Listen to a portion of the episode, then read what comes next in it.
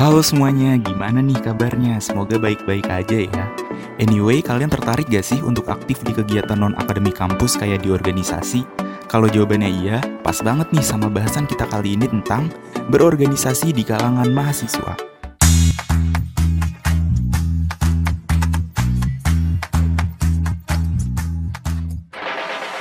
Selamat datang di Pororo Podcast Oren Oranger. Uh, sebelumnya, perkenalkan dulu uh, gue sebagai uh, host. Uh, nama gue Irsa Winandara Matalita dari Departemen Manajemen Angkatan 55 dan partner gue. Nah, Iya, kenalin juga nih, gue Afra dari Departemen Ilmu Ekonomi FEM Angkatan 54. Nah, sekarang kita udah ditemenin nih sama dua orang narasumber kita, Nisa. Dia ini, mereka-mereka ini adalah orang yang udah berpengalaman banget di dunia organisasi di kampus IPB tentunya. Gue kenalin dulu nih, yang pertama namanya Ahmad Albanjaran dari FMIPA Angkatan 54. Nah, dia ini sekarang ini menjabat sebagai Menteri Bisnis dan Kemitraan BMKM IPB Kabinet Suara Cita 2019-2020. Nah, dia ini akrab disapa dengan sebutan Al. Nah, terus ada siapa lagi nih, narasumber satu lagi? Nah, nggak keren, nggak kalah keren juga ada Kasusilo Pambudi selaku Ketua BEM FEM IPB Kabinet Indi tahun 2019-2020 uh, yang merupakan dari Departemen Manajemen Angkatan 54 mungkin sebelum ke sesi tanya jawab, mungkin kita memberikan kesempatan dulu kali ya buat uh, narasumbernya memperkenalkan track recordnya juga gitu kepada Kak Al dan Kak Susilo. Widi, oke oke oke. Halo, salam kenal ya semua. Ini mau gue dulu atau dulu nih, Sus? Eh, bebas, Al. Al baca dulu aja lah, Ahmad dulu aja silahkan. Waduh, tersanjung loh nih gue. Kamu dulu, kamu dulu. Diduluanin. Oke, okay, siap, siap, siap. Oke, okay, semuanya salam kenal ya. Nama gue Ahmad Albanjaran dari Ilmu Komputer IPB Angkatan 54. Tadi seperti yang tadi dikenalin, dikenal akrab dengan nama Al. Nah, mungkin sebelum masuk ke sini podcast nih, tadi katanya pada nanya ya track recordnya apa aja. Ini dijelasin semua atau yang sedang kesibukan saat ini nih, Irsa Afra?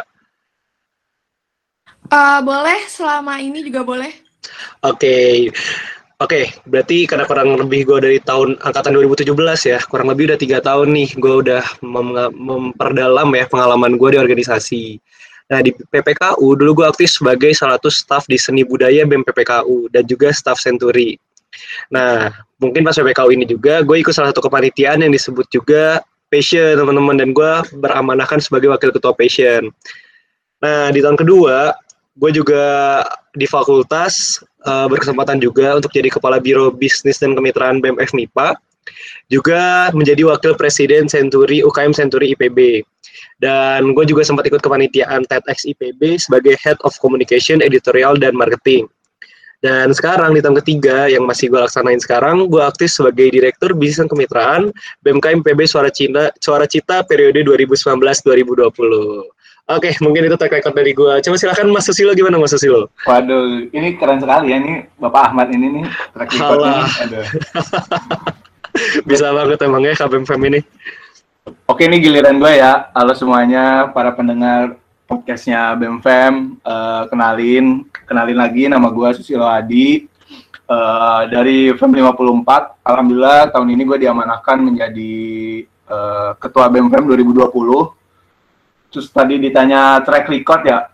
Se ya sama gue seangkatan juga sama Ahmad juga sama Al juga angkatan 2017 di tingkat satu. Mungkin gue beda kalau Al tadi staff BMPPKU gue di tingkat satu itu staff BMKM lebih tepatnya di Kementerian Kebijakan Kampus.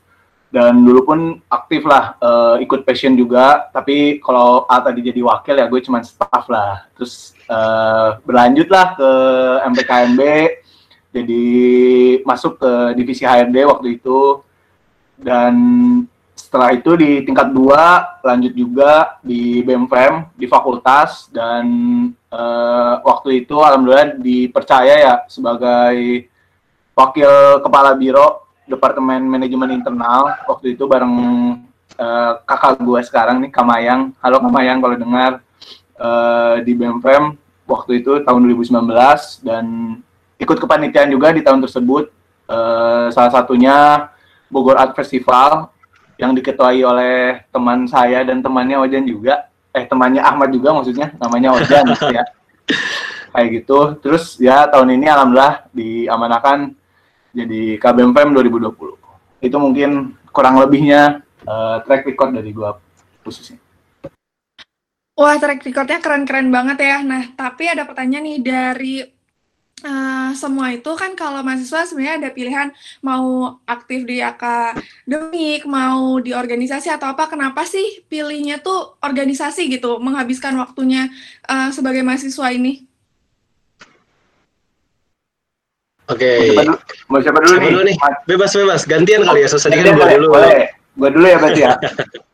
mangga sus mangga. Oke, mungkin kalau ditanya alasan kenapa gue di dunia kampus ini memilih jalan sebagai organisatoris, uh, selain memang basic gue di SMA itu memang udah aktif gitu ya, ikut organisasi dan sebagainya. Dan di kampus sebenarnya tertampar lah uh, ibaratnya di eh, masa-masa uh, MPKMB khususnya dulu ketika tingkat satu gitu di mana memang sebagai sudah sebagai sudah selayaknya kita sebagai mahasiswa gitu untuk bisa bermanfaat dan mengabdi untuk negeri ini khususnya untuk masyarakat itu sendiri. Dan gua rasa jalan ataupun wadah terbaik untuk mengabdi kepada masyarakat dan negara ini tuh ya tadi melalui organisasi khususnya di uh, Badan Eksekutif Mahasiswa itu sendiri ya maka dari itu ya tadi sini mungkin agak klasik sih alasan gue ya uh, untuk berdampak dan bermanfaat gitu bagi masyarakat atau bagi orang-orang.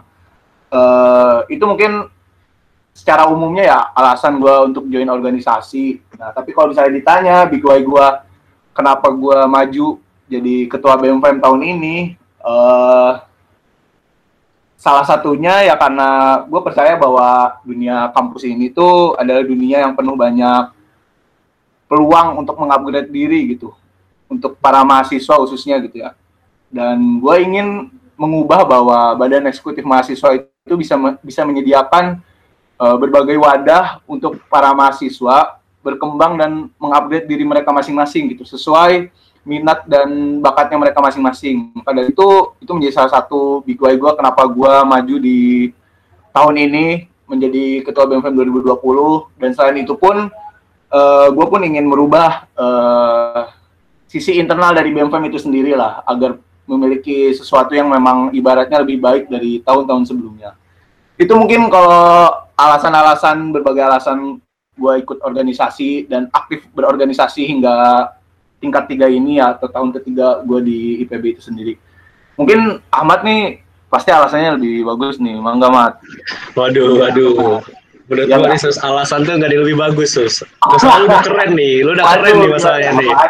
Terlalu berlebihan ya, Ahmad. Oke, oke, oke. Oke, tadi kan pada nanya ya nih, alasan kenapa ikut organisasi. Oke, okay. jujur kalau mau tahu alasan kenapa di kuliah ini gue mulai organisasi, mungkin gue back dulu deh ke masa-masa SMA yang dulu gue sempat nggak pernah organisasi. Dulu tuh teman-teman jujur saat pertama kali gue nyoba organisasi, itu tuh gue hanya nyoba-nyoba penasaran lah ibaratnya. Kayak gimana sih rasanya organisasi itu? Gimana sih rasanya kepanitiaan itu? Jujur dulu tuh mungkin gue hanya ingin memuaskan rasa penasaran gue tapi ya teman-teman setelah gue mencoba nih untuk ikut gue merasakan banyak hal yang terupgrade dalam diri gue dari dulu Ahmad yang dulu nggak pernah ikut organisasi sama gue yang setelah ikut organisasi itu punya banyak perbedaan yang signifikan. Baik dari segi skill dalam diri gue maupun dari teman-teman yang gue dapet atau link-link yang gue dapet. Itu jujur gue ngerasain banget dan akhirnya pas gue masuk kuliah gue ngerasa gitu uh, masa kuliah itu termasuk masa-masa transisi ya antara kita uh, para pelajar menuju dunia masyarakat yang serba sulit lah ibaratnya ya yang berbeda pastinya dinamikanya. Gue ngerasa ya kampus yang menjadi transisi kehidupan gue itu harus gue ukur dengan upgrade harus gue isi dengan begitu banyak hal-hal yang upgrade diri gue mungkin kalau nanya masalah organisasi di PB itu banyak banget teman-teman dan si organisasi itu gue selalu bilang gak ada yang jelek dan pasti ada hal baik yang bisa kita ambil. Dan dari situlah gue mencoba gitu untuk ikut banyak banget hal dari gue PPKU dari dulu yang gue rasa wah gue terupgrade dan gue ikut organisasi lain gue merasa kurang dan haus untuk terus berkembang di situ selalu membuat gue untuk ikut selalu organisasi yang selalu bisa gue ikutin. Di situlah uh, eh, gue mulai melihat gitu ego-ego lain dalam diri gue yang gak hanya ingin upgrade dan ternyata gue punya rasa uh, senang gitu untuk membantu orang lain, mengabdikan diri gue. Itulah yang membuat gue terus untuk ikut BEM dan ikut apa pun yang bisa gue ikutin gitu. Jadi mungkin kalau di alasan ya ada dua gitu, dari internal gue yang ingin berkembang dan dari kebahagiaan yang gue dapat saat gue bisa membentuk suatu organisasi yang bagus lah ibaratnya. Mungkin itu sih. Wah luar biasa banget ya ternyata alasannya tuh keren-keren banget dan idealis-idealis banget deh dan ternyata beragam juga dari masing-masing narasumber ya alasannya tapi intinya apa pun alasannya tetap tujuan ikut organisasi untuk mengembangkan diri dan organisasi itu sendiri ya. Tapi sebenarnya ini kayaknya dari tadi kita terlalu bersemangat deh. Kita dari tadi belum tahu ngomongin apa nih, kita belum nyampein tema podcast kita kali ini.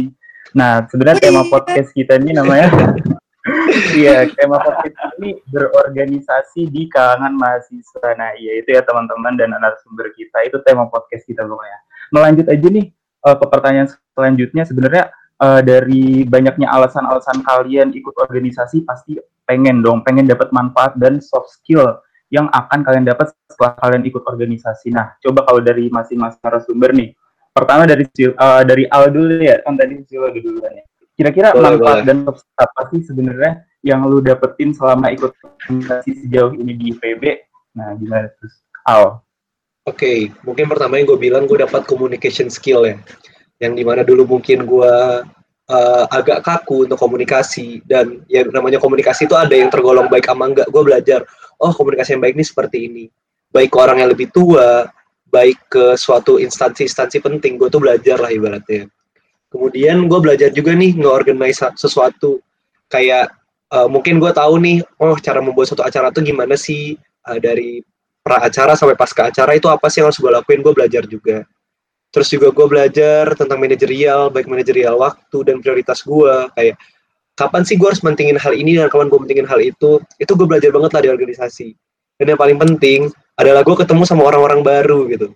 Ketemu sama orang-orang yang mungkin gue nggak expect mungkin kalau kita uh, milih pertemanan ya itu pasti kita semua ketemu sama orang-orang yang satu frekuensi sama kita atau kita seneng gitu komunikasi sama dia. Tapi di organisasi kita belajar gitu untuk menemukan orang yang mungkin nggak satu frekuensi sama kita tapi kita harus kerja sama sama dia. Relasi seperti itu menurut gue priceless banget gitu. Dan juga tentang konsistensi sih kayak gue belajar untuk terus konsisten dalam melakukan sesuatu di waktu yang nggak sebentar. Jadi mungkin itu sih hal-hal uh, yang gue dapetin di organisasi seperti itu, Pra. Wah iya mantap banget sih sebenarnya manfaat dan soft skill yang didapat sama si Alin ya. Nah kalau dari Susilo sendiri gimana nih? Manfaat dan soft skill apa sih Sus yang lu dapat selama ikut organisasi ini?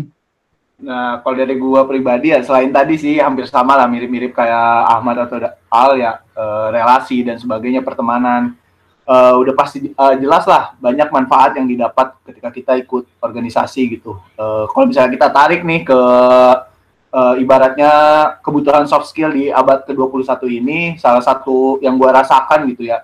Uh, manfaatnya kayak gue dapat soft skill seperti tadi komunikasi, terus kolaborasi, critical thinking, kreatif, dan yang paling menurut gue ini yang paling agak lumayan lah bagi diri gue gitu. Uh, soft skill yang memang uh, ibaratnya apa ya ibaratnya tuh sangat berguna lah untuk kehidupan dan ke depannya khususnya pasca kampus ya kompleks problem solving gitu di mana memang kita tuh ketika kita berorganisasi kita pasti selalu uh, menghadapi yang namanya permasalahan-permasalahan dan permasalahan yang ada atau yang datang di organisasi itu nggak simple atau nggak sederhana gitu. Pasti sangat kompleks dan sebagainya dan itulah yang menurut gue yang menjadi uh, soft skill yang gue rasa nggak bisa nih didapat di mana-mana gitu. Uh, manfaat yang nggak bisa didapat di mana-mana. Selain itu juga manfaat bagi diri gue ya, manfaat bagi diri gue, manfaat terbesar nih yang gue rasakan hingga detik ini gitu. Uh, eh, gue nggak tahu kenapa ketika gue berorganisasi itu gue selalu merasa uh, bahagia dan membangun imunitas dalam diri gue gitu. Ibaratnya kayak gitu ya. Kenapa? Karena gue uh, eh, gue selalu bahagia ketika gue ngelihat orang-orang tuh tersenyum. Dan ikut bahagia juga gitu. Ke atas kegiatan yang kita lakukan gitu. Atas kegiatan yang kita berikan ibaratnya kayak gitu. Di situ titik titik titik poinnya lah uh, bagi gue ya. Hal terbesar yang gue rasakan manfaatnya gitu bagi diri gue gitu. Kebahagiaan yang nggak bisa didapat lah di mana-mana gitu. Itu mungkin Pra yang bisa, yang dari manfaat dari diri gue, yang gue rasakan. Nah, berarti kan banyak banget tuh manfaat yang diambil dari sebuah organisasi. Tapi kan namanya sebuah organisasi itu kan dinamis ya. Maksudnya kita menghadapi banyak orang dan kadang situasinya juga tidak stagnan itu-itu terus. Jadi selalu ada aja gitu kendala dan tantangan yang harus dihadapi gitu. Apalagi sebuah organisasi juga kan komitmen yang lama. Pernah nggak sih kayak ngalamin uh, kejenuhan atau misalnya ada tantangan-tantangan lain selama menjalani organisasi itu dan gimana gitu cara menghadapinya? Mungkin dari kasus Silo dulu sekarang. Mangga, Sus, mangga. Oke, okay, uh, eh, tantangan ya tadi ya, Irsa ya? Iya, betul. Eh, bentar ya, bentar. Tantangan ya, Iza? Iya, iya. Oke, okay, uh, eh, tantangan ya selama berorganisasi ya berarti ya. Uh, ya banyak lah kalau ibaratnya kalau ngomongin tantangan ya apalagi tahun ini gitu. Uh, tantangan terbesar ya tadi kita menghadapi uh, eh, COVID-19 ini gitu. Dan impact pada kegiatan organisasi ya semua kegiatannya harus dilaksanakan secara online.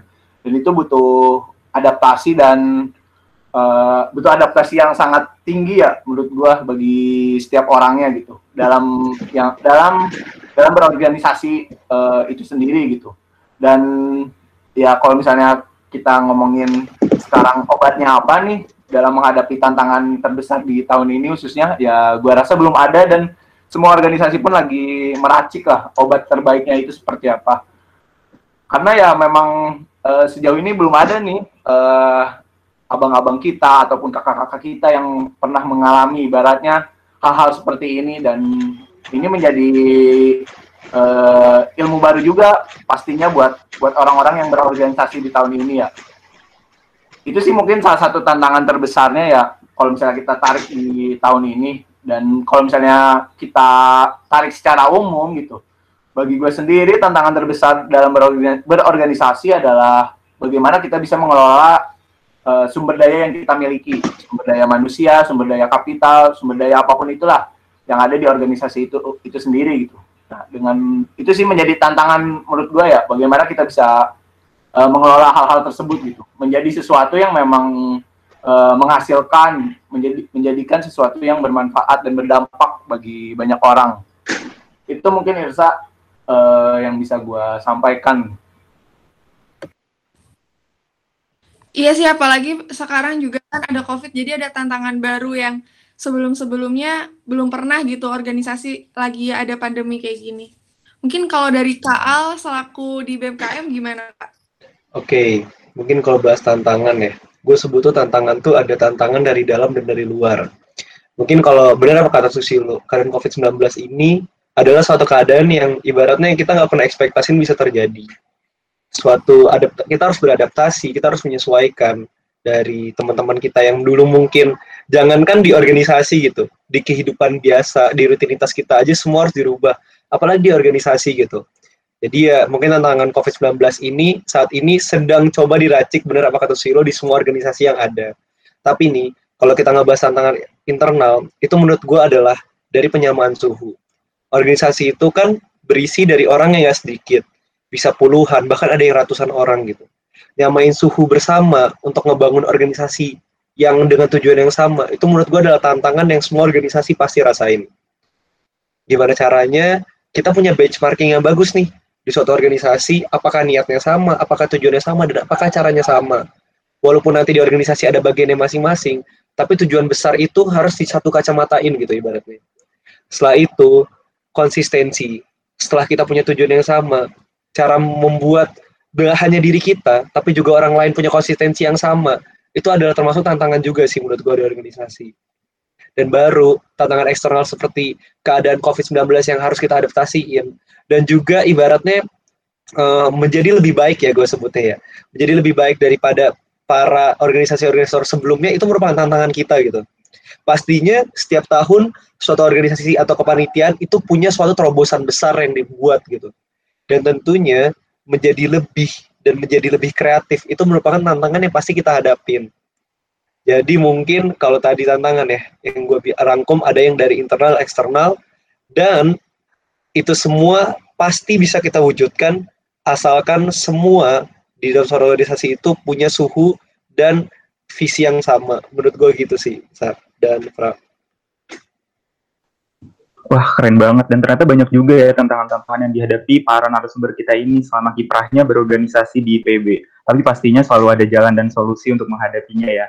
Nah, selain itu, kita kan sekarang ini sedang kedatangan keluarga baru nih, yaitu mahasiswa baru IPB Angkatan 57. Nah, kira-kira dari para narasumber ini, uh, pengen tahu dong, ada gak sih tips-tips buat para mahasiswa baru untuk memilih organisasi yang cocok untuk mereka saat pertama kali mereka datang di IPB ini? Nah, kira-kira gimana tuh? Tips-tips apa sih gimana sih caranya buat memilih organisasi yang cocok untuk mahasiswa baru? Nah kan tadi Susilo duluan, mungkin sekarang Al duluan boleh sih Al. Oke okay, siap Fra. Mungkin kalau dari gue nih ya, uh, si organisasi itu punya uniqueness-nya masing-masing gak sih? Kayak jujur ya, walaupun gue bukan anak FEM, tapi gue kagum banget sama BEM FEM. Sumpah, bukan gue ngejilat lu, Sus. Tapi gue ngelihat BEM FEM itu termasuk BEM yang keren banget anti mainstream. Ini karena karena lagi podcast sama BMFM aja ya ngomong gitu. Gak, gak gitu loh, gak gitu. Tapi serius. Canda, canda, canda, gue canda. Oke, makasih karena... banyak nih Ahmad atas atas sanjungannya gitu. Tapi gue ngeliat BMFM tuh gini, lu tuh punya acara eksternal yang keren banget dengan banyak banget acara yang FEM tuh buat gitu, baik di himpunan atau di -nya. Dengan kalian tuh empat departemen bener ya? Empat departemen kan? Lima, lima. Oh, lima, maaf. Lima departemen. Lima departemen itu ngebangun acara yang banyak dari acara seperti Bogor Art Festival, dari acara seperti Sporta, dan acara kayak Nemo. Itu kan banyak banget ya. Kalian berhasil ngebangun suatu fakultas yang ngebuat banyak acara itu menurut gue keren banget. Dan kalau balik nih ya ke pertanyaan tips-tips memilih uh, suatu eh, suatu organisasi atau kepanitiaan itu adalah gimana caranya kita tuh suka di, di mana sih, passion kita di mana sih, Contohnya kalau kayak gue, gue itu pengen masuk BMKM karena gue punya niat pengabdian yang besar dengan gue pengen impact yang besar dan gue rasa BMKM bisa wujudin itu. Dan setiap organisasi itu pasti punya impactnya masing-masing yang diwujudin gitu. Mau itu BMFM, BEM fakultas lain, himpunan, atau UKM, itu pasti ada impactnya. Buat yang nanya, tips-tipsnya apa? Tergantung teman-teman. Teman-teman sukanya apa? Teman-teman merasa tenangnya di mana? Cari tahu gitu. Jangan pernah ikut suatu organisasi, tapi teman coba-coba. Teman-teman harus pastiin banget porsi kerjanya seperti apa. Itu bener nggak sih soal ekspektasi teman-teman? Jadi tips gue adalah bener-bener cari tahu gitu. Kasih tahu, kasih perhatiin banget apakah apa yang teman-teman ekspektasi di organisasi itu sesuai sama realita yang bakal teman-teman hadapin.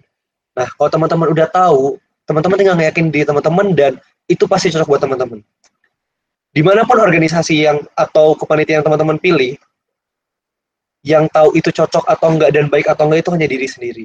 So, pikirkan diri sendiri, cari tahu sendiri, dan wujudin itu sendiri. Menurut gue gitu sih. Nah, kalau dari kasus Silo, gimana nih? Oke, uh, kalau dari gue ya buat ada-ada maba kita nih yang masih lucu-lucunya baru masuk uh, kampus, masuk perkuliahan ya. Selain tadi yang udah, tadi benar yang udah disebut Ahmad, disebut Al. Uh, selain itu uh, dari gue ya tipsnya itu coba disesuaikan gitu. Uh, uh, organisasi yang memang ingin diikuti oleh teman-teman mahasiswa baru ini disesuaikan dengan tujuan uh, mahasiswa itu sendiri gitu uh, apa buat ke depannya itu mereka mau menjadi mahasiswa seperti apa dan dan mau menjadi uh, apa gitu selama di dunia kampus ini. Nah itu jadi disesuaikan dengan tujuan um, diri masing-masing.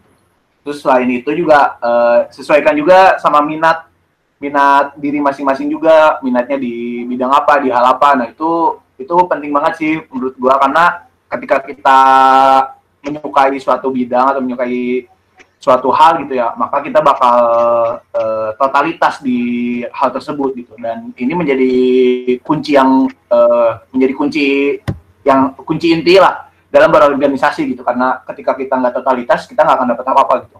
Jadi memang sangat penting totalitas. Tadi makanya disesuaikan dengan minat diri masing-masing. Terus selain itu juga uh, coba dicari dulu big why-nya itu apa. Kenapa sih gue harus ikut organisasi A, organisasi B, organisasi C dan sebagainya. Harus dicari dulu why-nya itu apa, why-nya itu apa, alasannya itu apa gitu untuk ikut uh, organisasi itu sendiri gitu. Dan mungkin yang terakhir ya, jangan pernah takut untuk uh, mendaftar dan jangan mudah juga untuk menyerah gitu. Karena dalam dunia kampus ini mungkin ibaratnya bisa cukup ya ibaratnya agak keras juga ya menurut gua gitu. Uh, menurut pengalaman pribadi gua gitu ya khususnya. Pasti nantinya uh, semua rencana yang kita udah rencanakan tuh nggak selalu berjalan mulus gitu. Nah di situlah poinnya di mana kita jangan sampai uh, mudah menyerah dan jangan sampai takut untuk mencoba kembali gitu itu mungkin dari gua pribadi ya tips untuk teman-teman mahasiswa baru IPB angkatan 57.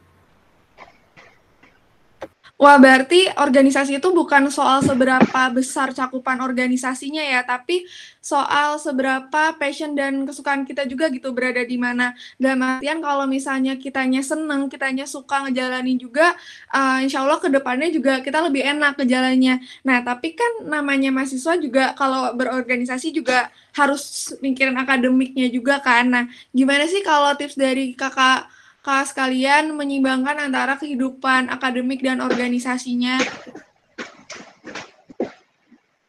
Siapa dulu nih? Ahmad dulu kali ya. Anak Susi dulu anak, lah, gantian. Anak MIPA, eh, anak MIPA dulu lah yang agak padat. MIPA kan padat.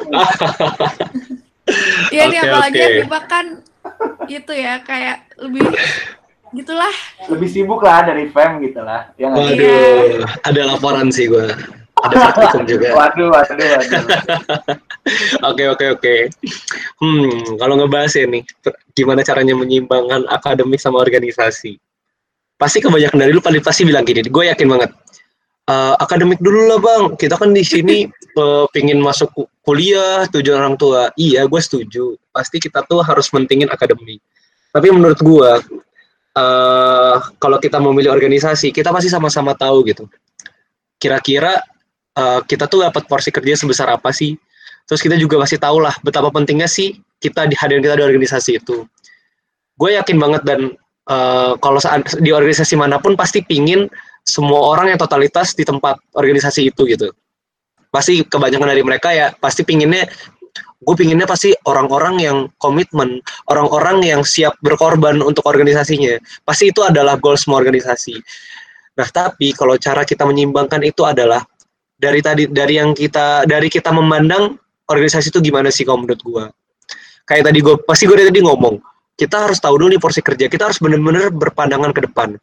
Jangan hanya berpandangan di kondisi lu yang paling gabut gitu. Coba lu kasih worst case yang di mana kalau lu tuh eh, ke organisasi uh, lu tuh kira-kira jam tidur lu dikurangin atau jam main lu dikurangin. Ya kita harus mikir worst case lah ibaratnya saat mikirin organisasi.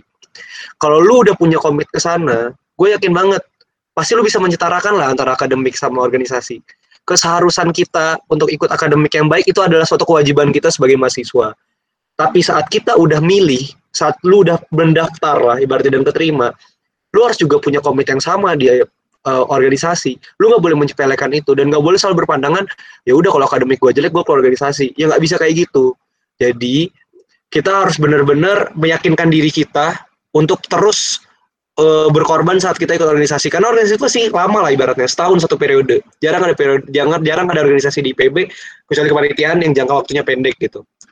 So dengan keyakinan diri kita yang yakin untuk ikut organisasi secara terus menerus pasti itu akan memacu badan kita dan jiwa kita lah ibaratnya. Kayak gue nih gue pernah waktu itu lagi sibuk-sibuknya di uh, akademik gue yang mengharuskan gue untuk pulang malam. Tapi karena gue tahu gue punya tanggung jawab organisasi gue nggak capek di situ. Dan gue meyakini diri gue untuk oke okay, gue harus selesaiin tugas organisasi gue saat itu juga. Dan alhamdulillah gue bisa bertahan kok sampai saat ini. Tiga tahun berturut-turut gue ikut organisasi walaupun beda-beda. Dan uh, di situlah kuncinya sih menurut gue Wah keren banget ya, ternyata komitmen banget ya kedua orang narasumber kita ini selama ikut organisasi. Dan nggak sadar juga nih, itu udah pertanyaan terakhir kita nih, kita udah kehabisan pertanyaan banget. Dan ternyata dari tadi udah keren-keren banget ya jawabannya. Eh, Bener-bener sangat, sangat, Kayak Kak Susilo belum belum ngejelasin nih kalau tipsnya dari Kak Susilo gimana. Iya juga. Gue, Kan bercanda nih emang harus Jago, jago, jago, jago, jago, keren, keren, keren, keren. Afra suka bercanda? Masa kamu dilupain ya, Sus? Asli aja ini aspek. mau. Nah, gimana sih terus kalau menurut lu tips menyeimbangkan Oke, kalau- dan organisasi gimana tuh sus? Oke, kalau menurut gua ya, gue sepakat sih sama Ahmad. Eh, intinya bahwa akademik itu bukan menjadi alasan untuk kita nggak aktif berkegiatan ya.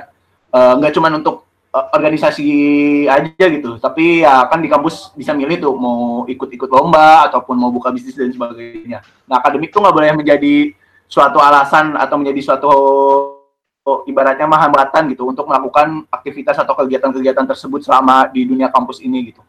Eh tips dari gue ya cuma satu sih sebenarnya fokus apa yang dikerjakan gitu. Jadi kalau lagi kuliah ya fokus kuliah, kalau lagi organisasi atau rapat ya fokus rapat atau berorganisasi gitu.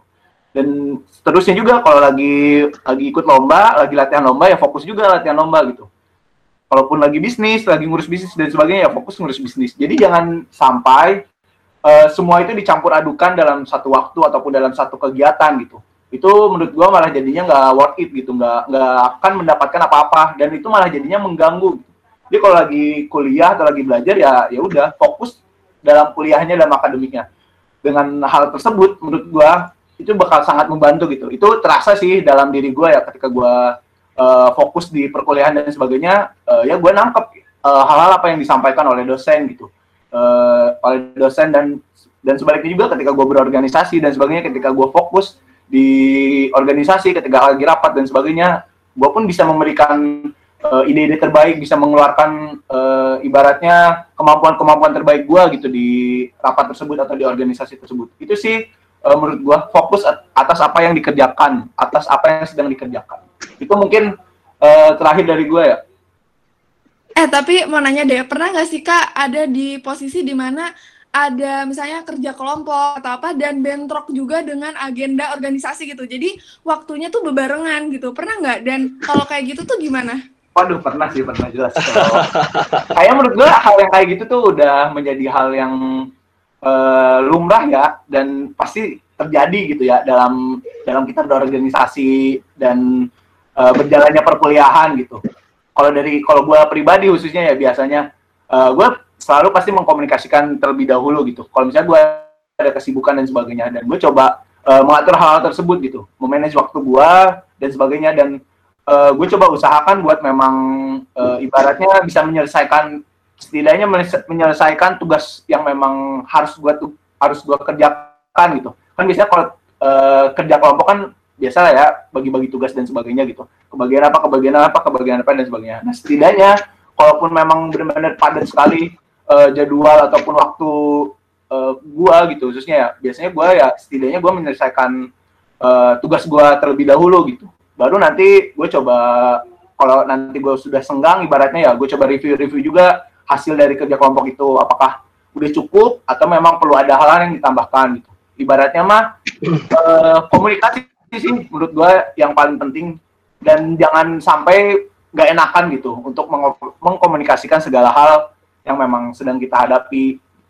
Itu sih. Dan tapi tapi tetap ya kita pun harus tahu diri juga pastinya. Jangan sampai eh, apa seolah-olah kita menyibukkan diri dan sebagainya jadinya kita lupa dengan tugas kelompok dan sebagainya. Eh, janganlah jangan jangan sampai seperti itu. Itu sih kalau menurut gua kalau hal-hal yang kayak gitu. Mungkin Ahmad nih pasti lebih lebih sibuk MIPA kan? Ya nggak Ahmad? Kalau gue sih yang penting komunikasi bener sus kata lu. Kayak kita komunikasiin aja kalau emang kita akademik ada tugas-tugas seperti apa gitu. Terus ya mau kita pun posisi kita di BEM gitu, kayak kita di BEM, mau itu pimpinan atau staff ya kita harus ciptain toleransi untuk akademik, itu udah pasti. Jadi teman-teman tenang aja nih kalau yang ngerasa kayak aduh eh, departemen gue sibuk banget, terus gue harus eh, takutnya gue izin akademik apa apa. Sebenarnya gue ya, gue rasa ya semua organisasi itu pasti ngasih kesempatan kok untuk teman-teman yang emang punya kesibukan akademik itu ya sementing kita komunikasi dan toleransi soalnya gue juga punya nih di BMKM staff gue yang sibuk banget di departemen gue nggak mau sebut nama departemennya sibuk banget tapi dia buktiin kok kalau walaupun dia kadang izin gitu rapat gue tapi dia tetap progresif dalam kerjaan dia jadi eh, yang penting komunikasi sama toleransi sih.